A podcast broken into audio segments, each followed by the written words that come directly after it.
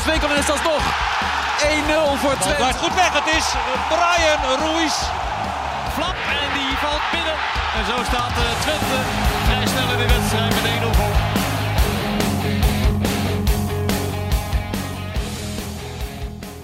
Welkom bij een nieuwe aflevering van de podcast De Ballenverstand. Een podcast over FC Twente en Manfred Ugalde, denk ik, hè? Ja, En, die eh, speelt nog wel Of een zijn er nog meer dingen die ons bezighouden deze week? Nee, ja? Nee, nee, de afgelopen week is er wat gebeurd verder in de wereld. Ja, nou ja, nieuwe spitsen. Die, die boeien ons natuurlijk ook verschrikkelijk. Ja, maar Eh, zo zijn wij ook. Want als het eentje weg is, dan bam, hè, Gelijk doorschakelen. deur dicht en door naar de volgende. Ehm, mijn naam is Varda Wagenaar. Ik ben eh, de host van deze podcast. En naast mij zit Leon Tevoorde, clubwatch van FC Twente. Specialist van Ugalde, van alle regels met Rusland. En ehm, morele bezwaren en eh, weet ik wat allemaal. Had je niet van mij verwacht, hè? Nou, ja, wel. dat Zie, dan ik dat voor ik, eis dat zelfs van jou, dat jij dat weet. Die hele sanctielijst mijn hoofd. hoe, was je, hoe was je weekend? Eh, ja, veel voetbal. Ja, Ja. Nee, ik heb heel wat wedstrijdjes gezien. Ja, ik hoef niet precies te weten van Bomboys en zo. Maar het gaat me dan natuurlijk met name over FC Twente. Nee, Bommers heb ik niet gezien, want ik zat in de Kuip. Maar hoe bedoel je met hoe was je weekend met qua, qua ja, werkomstandigheden? het was nogal het was hectisch. Ja, eh, vrijdagavond, eh, toen kwam het grote nieuws rond een uur of half tien eh, dat het eh, definitief rond was, dat de handtekeningen waren gezet. Ja, toen moest ik nog eventjes, eh, terwijl jij een wijntje ergens wegtikte, moest ik nog even aan de slag. Ik tikte geen wendje weg, maar wendje zei ik. Maar ehm Ugalde, de, die is eh, zaterdag zelf op het, eh, die is op het vliegtuig gestapt naar Moskou, naar Spartak Moskou, zijn gedroomde club. Heb je nog gekeken naar de temperatuur in Moskou? Min vier. Min- Oh, dat valt mee. Maar na de keuring, het goede nieuws voor Manfred is dat hij meteen door kon naar Dubai, want daar is Spartak Moskou op trainingskamp. Oké, dus hij, hij wordt nog een, een paar dagen, of tenminste, hoe lang duurt dat trainingskamp? Die, ja, die Russen zitten er vaak wel lang. Die zaten ook altijd eh, vaak heel lang in Spanje toen dat nog eh, mocht en zo.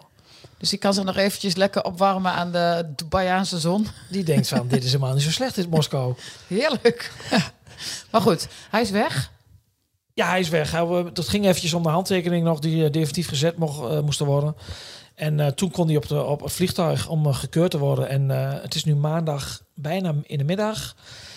Maar eh, deze, vandaag, dat kan elk moment, maar kan ook aan het eind van de middag zijn, zal officieel gecommuniceerd worden door eh, Spartak Moskou dat hij daar getekend heeft. Oké, nou, we hebben al ontiegelijk veel discussies hierover gevoerd. Jij en ik, eh, de- deze podcast, de vrijdag en de podcast. Dus laten we dat niet meer doen. Nee, ik wil wel één ding zeggen. Ik denk dat het hier niet, het gaat hier niet om de vraag gelijk of ongelijk. Die, wie Ga je heeft nou gelijk? de moraalreden uithangen? Nee, nee, nee, omdat het, je, dat- je vindt Agree to disagree. Dat Ja, mag toch? Je vindt, het, je vindt hier iets van en ja, daar ben je het mee eens of niet. En dat is het Ja. verhaal. Nee, maar dat is ook zo. Hey, ehm, we kregen een vraag, een, een, een, luister, een vraag van een luisteraar, van Reinhard. Die vraagt, weten jullie of het vaste deel van het transfer, transfersom van Ugalde in één of twee keer betaald wordt? Of gaat het uitgesmeerd worden aan de hand van de lengte van Ugalde's contract bij Spartak, Spartak Moskou? Dus een 4,5 deel. Ik ben er niet helemaal gerust op dat Twente zijn geld krijgt. Nou, dan ga jij dus antwoord geven. Jij moet ons even geruststellen hier. Ja, ja nee, een hele goede vraag. Kijk, hij heeft natuurlijk ook in het achterhoofd het, eh, het geld wat uh, Heerenveen het goed heeft van CSK Moskou, wat er nooit schijnt te komen. Eh, dat ligt inmiddels bij de kas. Eh, maar CSK Moskou staat wel op de sanctielijst. Ehm, ja, het is, het is heel normaal. Spartak is een hele nette club. Met nette voetballers. Goed, sorry. Voor een cynische momentje. Nee, maar dat is jouw momentje dit. Ja. En, en, ja, nee, dat Ga verder. mag. Nee, het is in, in het hedendaags voetbal is het heel normaal dat transfersommen uit worden gesmeerd over in termijnen. Alleen, ja, Twente heeft wel geëist, en dat was een van de eisen in de onderhandeling, het geld in één keer. Bam, op de rekening. En dan ook op korte termijn. En wat de korte termijn is, kan een week zijn of twee weken of drie dagen. Daar is ook over onderhandeld, dat weet ik niet. Maar Twente krijgt wel het geld in één keer. Dat was een eis, Oké. En eh, ehm, met bankgaranties. dankjewel. Voor de, ik denk dat Reinhard hier heel blij mee is om dit te horen. En wat geld, wat gaan we daarmee mee doen? We ook, hè, zeg ik. Maar wat gaan ze daarmee doen? Wat gaan ze daarmee doen? Het gaat er, er gaat er een deel af naar, eh, naar de gemeente Enschede. Hè. Ze zitten nog steeds met het afbetalen van als je dan moet bij een transfer een bepaald percentage moet naar de gemeente. Nou ja, eh, Manchester City, waar ze hem van gekocht hebben voor 4 miljoen, dat krijgt nog een deel bij van de transfersom. Er gaat een deel af naar de eh, zaakwaarnemers, maar uiteindelijk houden ze wel 10 plus ongeveer over. En Wat gaan ze daarmee doen? Ja, dat, die vraag ga ik nog bij Twente neerleggen. Dus, er gaat natuurlijk... Kijk, er worden schulden mee afgelost. Of misschien wel versneld. En noem maar op. Um, er gaat denk ik geld ook richting het trainingscomplex. Waar nog, uh, wat, wat, ze wil, willen financieren. Dus ja, dit helpt Twente wel, wel verder, dit, deze transfer. En als je kijkt naar uh, de gemeente, want uh, hoe lang is Twente nog bezig om die gemeente af te betalen? Ja, op dit moment, zoals de afspraken er nu liggen, dan um, uh, zijn ze daar nog aan gebonden. Maar goed, dus er worden wel gesprekken ja. gevoerd om misschien tot andere afspraken met elkaar te komen. Maar hoe lang? Dan weet je dat? Is dat zo heel lang uh, duren? Ja, volgens mij dat, dat duurt nog wel jaren, maar um, ik denk dat dat um, ja, daar worden op dit moment afspraken. Je weet het niet echt, bedoel je? Nee, de lengte weet ik niet. Nee, ja, dan dat, dat hebben we. Je kunt er allemaal heen lullen, maar nee, je weet het gewoon nee, niet. je moest even uitzoeken dus. Nee, omdat ik namelijk niet ervan uitga dat die afspraken op die lengte uh, nog stand houden, omdat uh, er zijn, worden gesprekken gevoerd om tot andere afspraken te komen. Oké, okay, bedankt. Vaag. Ja, super vaag. Dat is ja. echt een heel vaag verhaal dit. Nee, maar ik denk dat het wel duidelijkheid schept. Intussen is, uh, we gaan natuurlijk van zelfsprekend dadelijk uitgebreid in op de wedstrijd uh, tegen Feyenoord. Maar um, Arnold Bruggink is in Monaco geweest. Die is een flitsbezoek gebracht om te praten over Boadu, de opvolger van uh, Ugalde. Tenminste, de gedroomde opvolger van Ugalde. Gedroomd, gedroomd. Nou ja, ja. ik bedoel, kom op. Het is, ik weet het niet hoor, maar als je... Kijk, Zeefuik is, een, is naar AZ gegaan. Maar als je dan kijkt naar Boadu of naar Zeefuik... denk ik dat Boadu er sneller staat dan Zeefuik. Dat er wel een verschil is. Voor nu. Voor het komende half jaar heb ik het dan over. Ja, kijk, Boadu heeft natuurlijk niet veel gespeeld in de afgelopen, afgelopen anderhalf jaar. Hè? Ja, maar die weet wel hoe de Eredivisie werkt. Dat je dan makkelijk aan goals komt. Nou ja, ik bedoel, dus hij heeft daar in een best wel zware competitie gespeeld. Ik heb even zijn Instagram-account bekeken.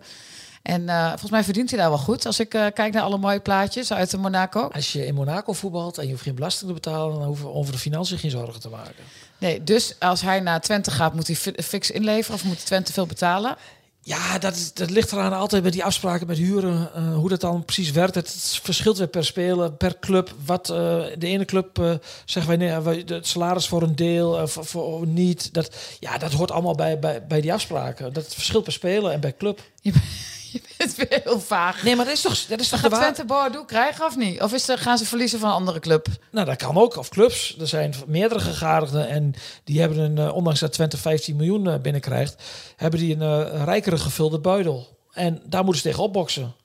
En wanneer verwacht je, ja, tenminste, dat is natuurlijk een paar dagen nog, dat de transfermarkt die sluit donderdag. Ja, ik denk dat ze wel vandaag of morgen toch wel uitsluitsel moeten hebben. Want lukt het niet, ja, dan zul je toch door moeten schakelen. En dan wordt het wel heel kort dag. En Boadu wil zelf graag? Ja, die heeft wel, uh, ja, die heeft zeker oren naar FC Twente.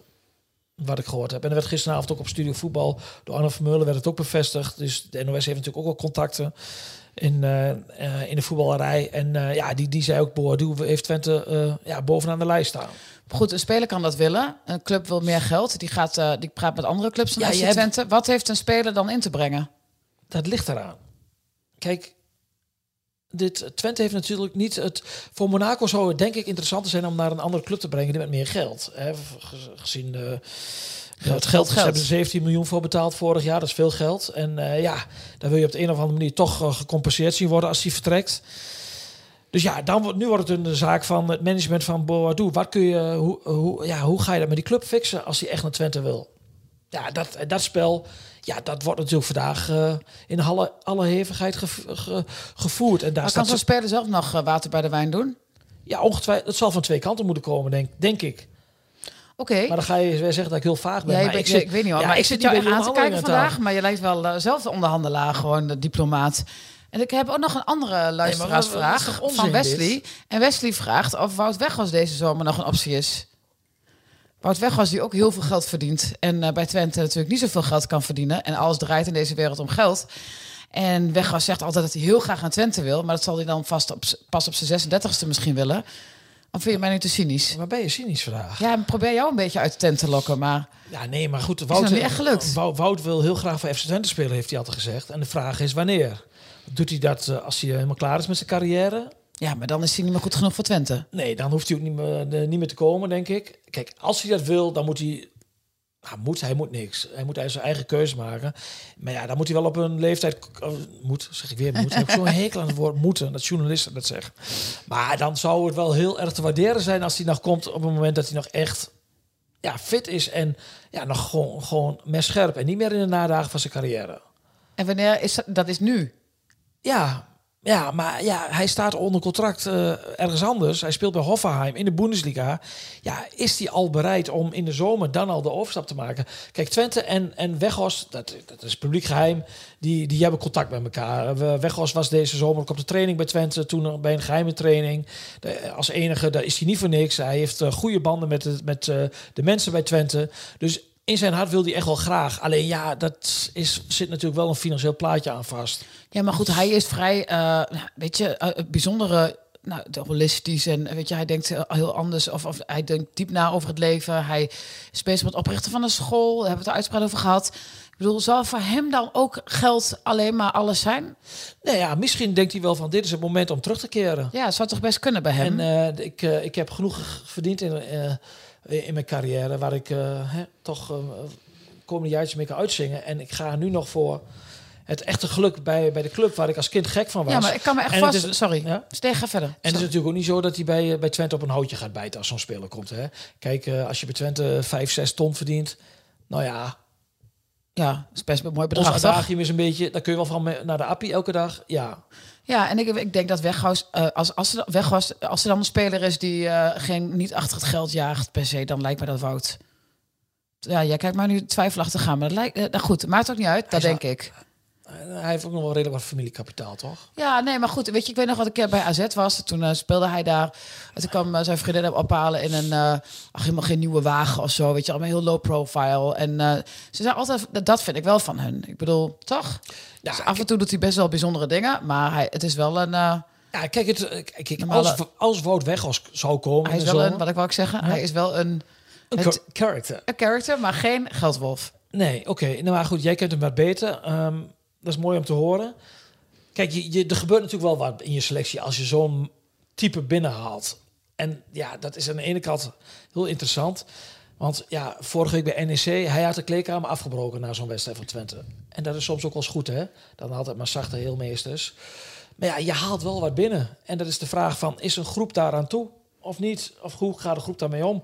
Ja, Nou ja, in zijn, eh, als Wout echt een goede periode heeft, is denk ik dat hij een enorme positieve bijdrage kan leveren. Als hij, eh, ja, maar het even over Boadu dan. Is, wat is dat voor character, denk je, in de kleedkamer? Terwijl de Ja. hond even snurkt op de achtergrond. Is niet Leon die snurkt? Dus eh, ik ben wel moe. Boah, doe moe. Nee, ehm, nee, nog niet. Ja, dit, dit, wat, dit is een jongen die al heel vroeg is doorgebroken bij AZ. Eh, op zijn 19 dat Nederland zelf al gehaald heeft. één Interland achter zijn naam heeft staan. Ja, die is toen naar Monaco gegaan. En dan denk je van, hmm, dat is te snel, dat is te vroeg. Maar ja, een heel aantrekkelijk plaatje. Ja. Is, ik vind het geen speler voor de Franse competitie. Want als jij niet die fysieke voorwaarden hebt, die hij niet heeft... Dan, is het, dan moet je een exceptioneel, exceptioneel talent zijn om daar te overleven tegen die, echt die reuzen die daar allemaal voetballen. De Franse competitie is enorm fysiek. Ja, dat heeft, dat daar is hij denk ik nog niet, daar was hij niet klaar voor. En Monaco is wel echt top in Frankrijk, top 4. Maar mijn vraag was hoe hij in de kleedkamer van Dat- Twente zou zijn. Ik ken hem niet. Oké, Nee, ik ken hem niet als persoon. dus dan moeten we nog maar eens eventjes gaan achterhalen als hij daadwerkelijk zijn eh, handtekening zet. Nog heel even naar eh, Pierre van Hooijdonk, die eh Ugalde de maat nam. Hè, van eh, de jonge spelers die weggaan en dan een grote mond hebben dat ze het niet meer voor hun... Nou, hij nam Twente ook de maat bij Studio Voetbal. En ook Halde. Ja, jij wilde daar graag wat over zeggen. Nou ja, zeker. stuurde mij een bericht Ik- van Hooijdonk. Ja, nee, als mij iets, iets, vooral als mij iets ergert of opvalt, dan app ik jou. Vorige week maakte ik de fout door een, naar een app te sturen die niet meer bestond. Waardoor jij zei van, hoezo heb je mijn lijstje gestuurd? Ja, De, dat was een keer goed voorbereid, kwam er niet aan.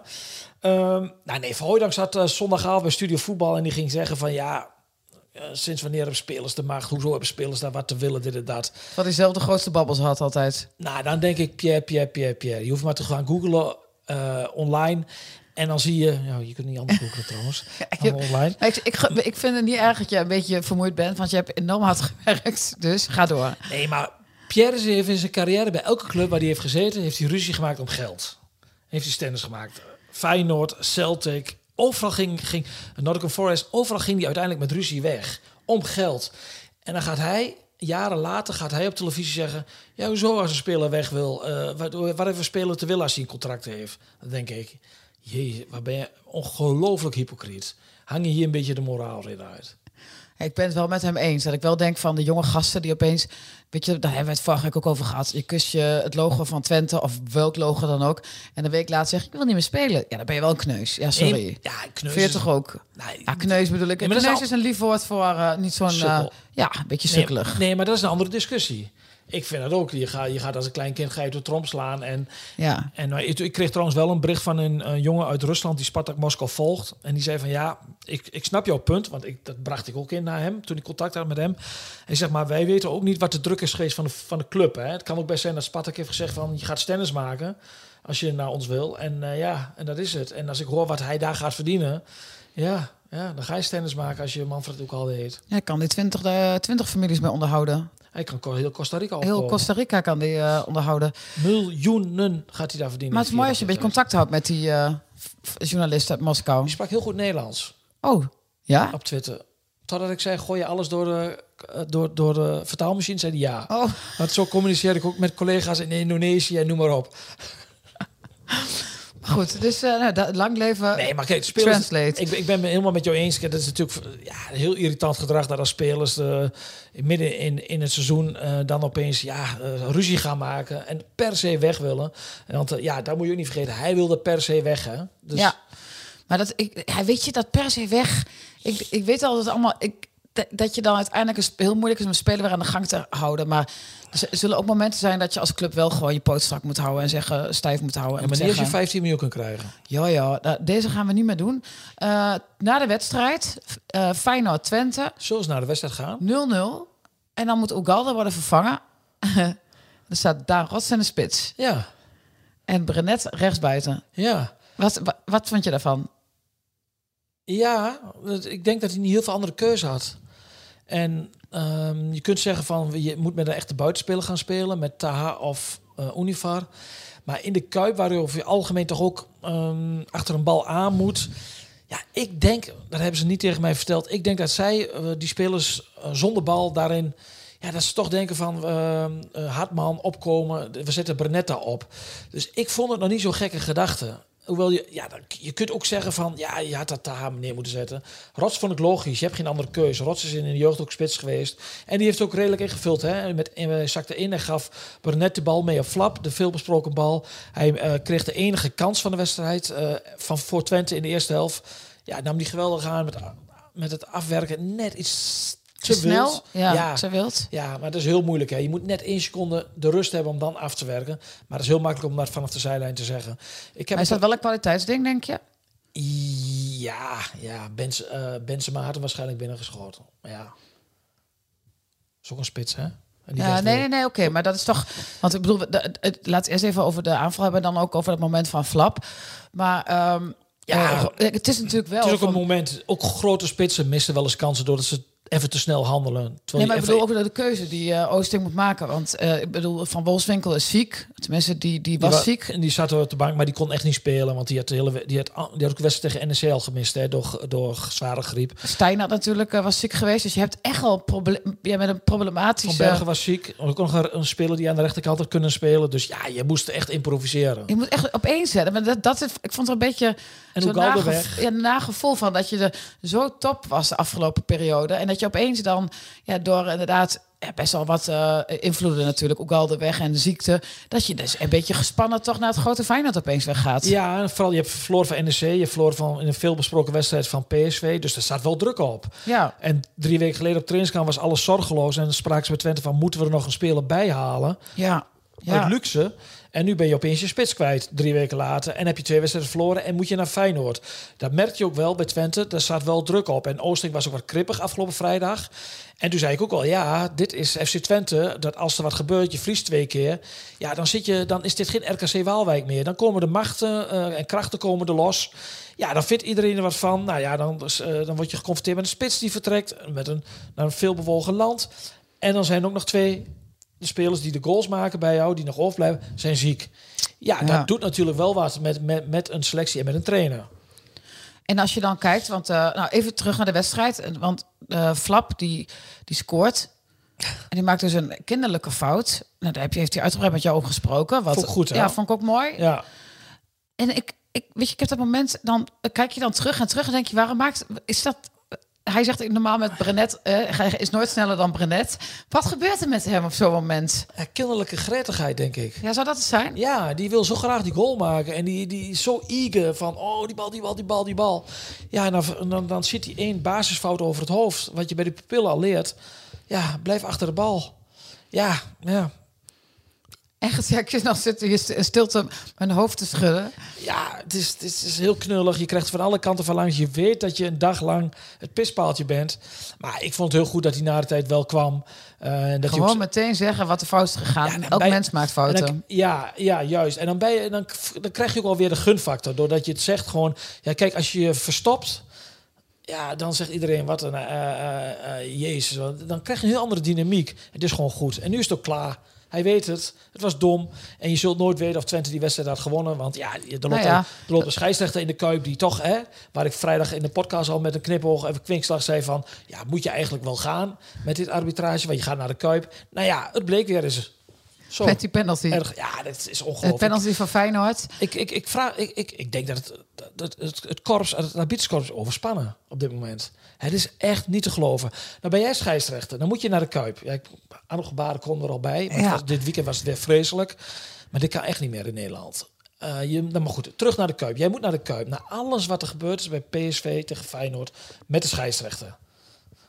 Dan, als je dan een penalty voor Feyenoord geeft, dan moet je toch wel 300% overtuigd zijn. Toch? Met de- wat er gebeurd is. En dan geeft hij een penalty wat echt in de verste verte geen penalty is. De VAR... Wie maakt een overtreding? Zeg het maar. Ja, dat weet ik dus niet. Ja, ik, ik, ik ik bedoel, als je- er gebeurden twee dingen. Pruppen ging eerst het duel aan, Ja. geloof ik, bij Jiménez. Dat was nog meer, is ook geen penalty, maar dat was nog meer een penalty dan Sadilek. Die, die, die, die, die, die, die blaast er wat adem uit. En onze Braziliaanse duikelaar, die gaat vallen.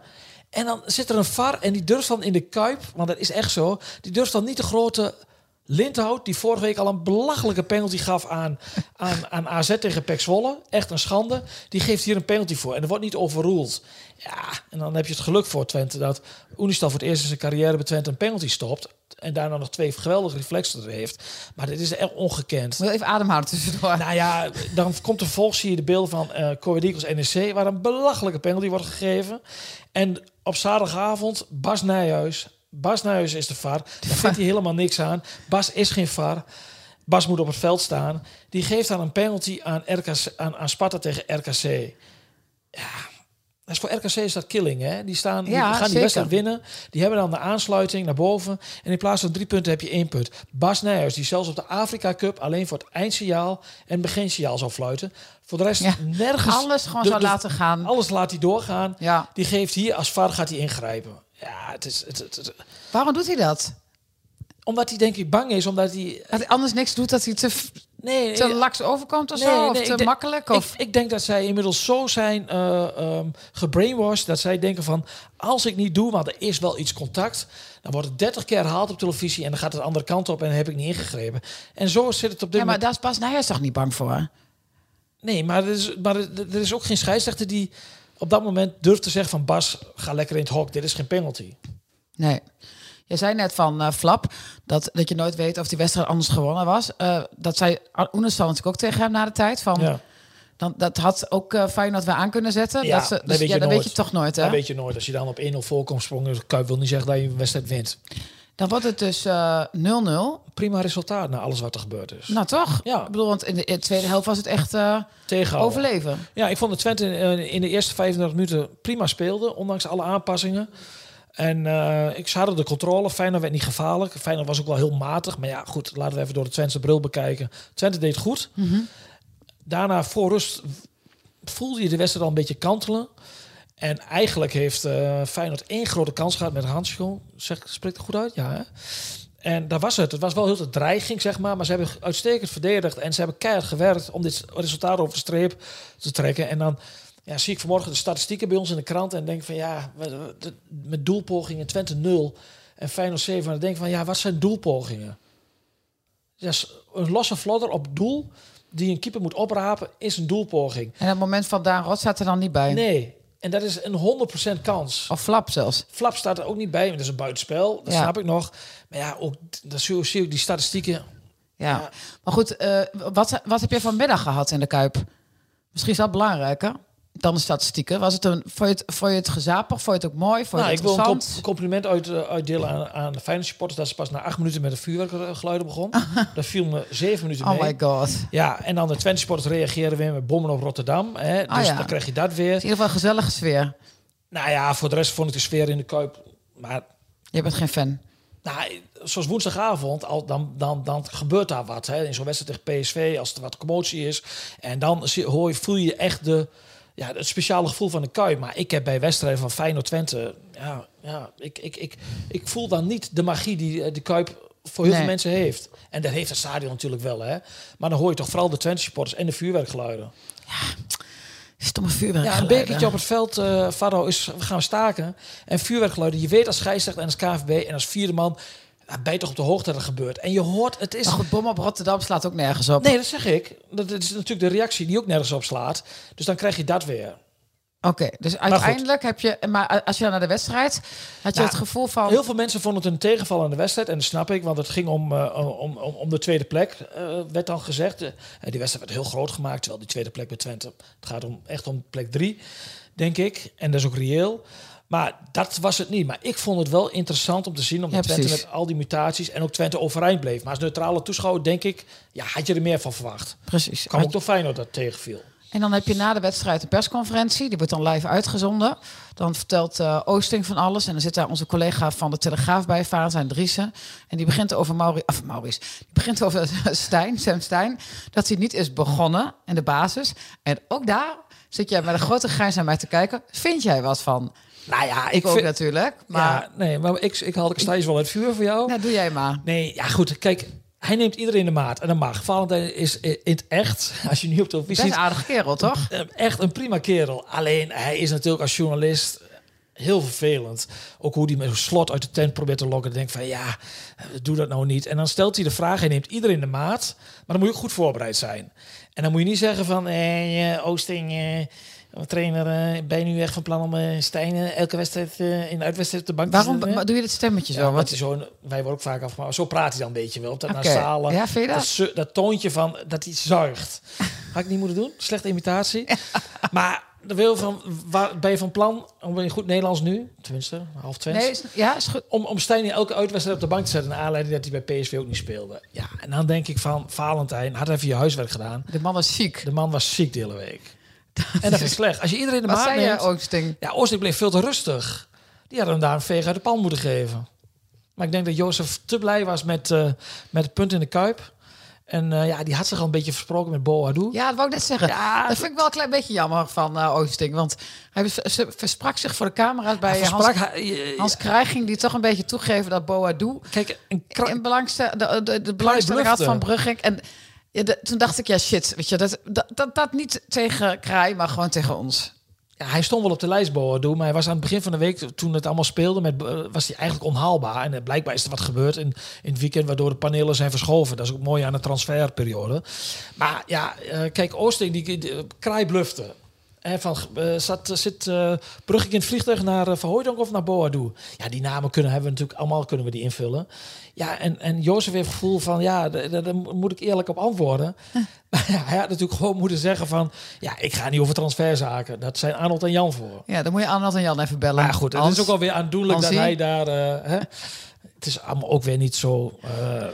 Nee, natuurlijk niet. Weet je, het is ook wel... Dat een trainer is die er ook niet moeilijk over doet. Sander zei hier, die was aan het kijken, zegt god heerlijk dat die man gewoon toegeeft waar ze naartoe gaan. Die zegt, dat vind ik zo fijn. Ja. Gewoon niet moeilijk doen, gewoon zeggen, we proberen Boadu. Als dat niet lukt, schakelen we door. Ja, Ja, het is niet liever anders. gaat dat hij dat... Tegen ons had gezegd. Ja. Maar goed, oké. Nu hadden we 10 seconden later. Ja, precies. Reken je mij daarop af? Nee hoor. Nee hoor. Ik zal het goed maken deze week. Ik denk dat we moeten afsluiten. We zijn, eh, gaan richting het half uur. Eh, zijn er, is er nog iets wat jij wil zeggen? Heb je alles gezegd? Nee, ik ga op mijn telefoon kijken, want eh, ja, Je, ik, ja, ik voelde ook wat getruld met telefoon. Dus ik ben ook wel benieuwd. ja, ja, witte rook. Bedankt voor het luisteren. Is het witte rook? Nee. Oh, motherfucker. Wat zeg ik? Sorry. Eh, bedankt voor het luisteren en eh, tot de volgende keer.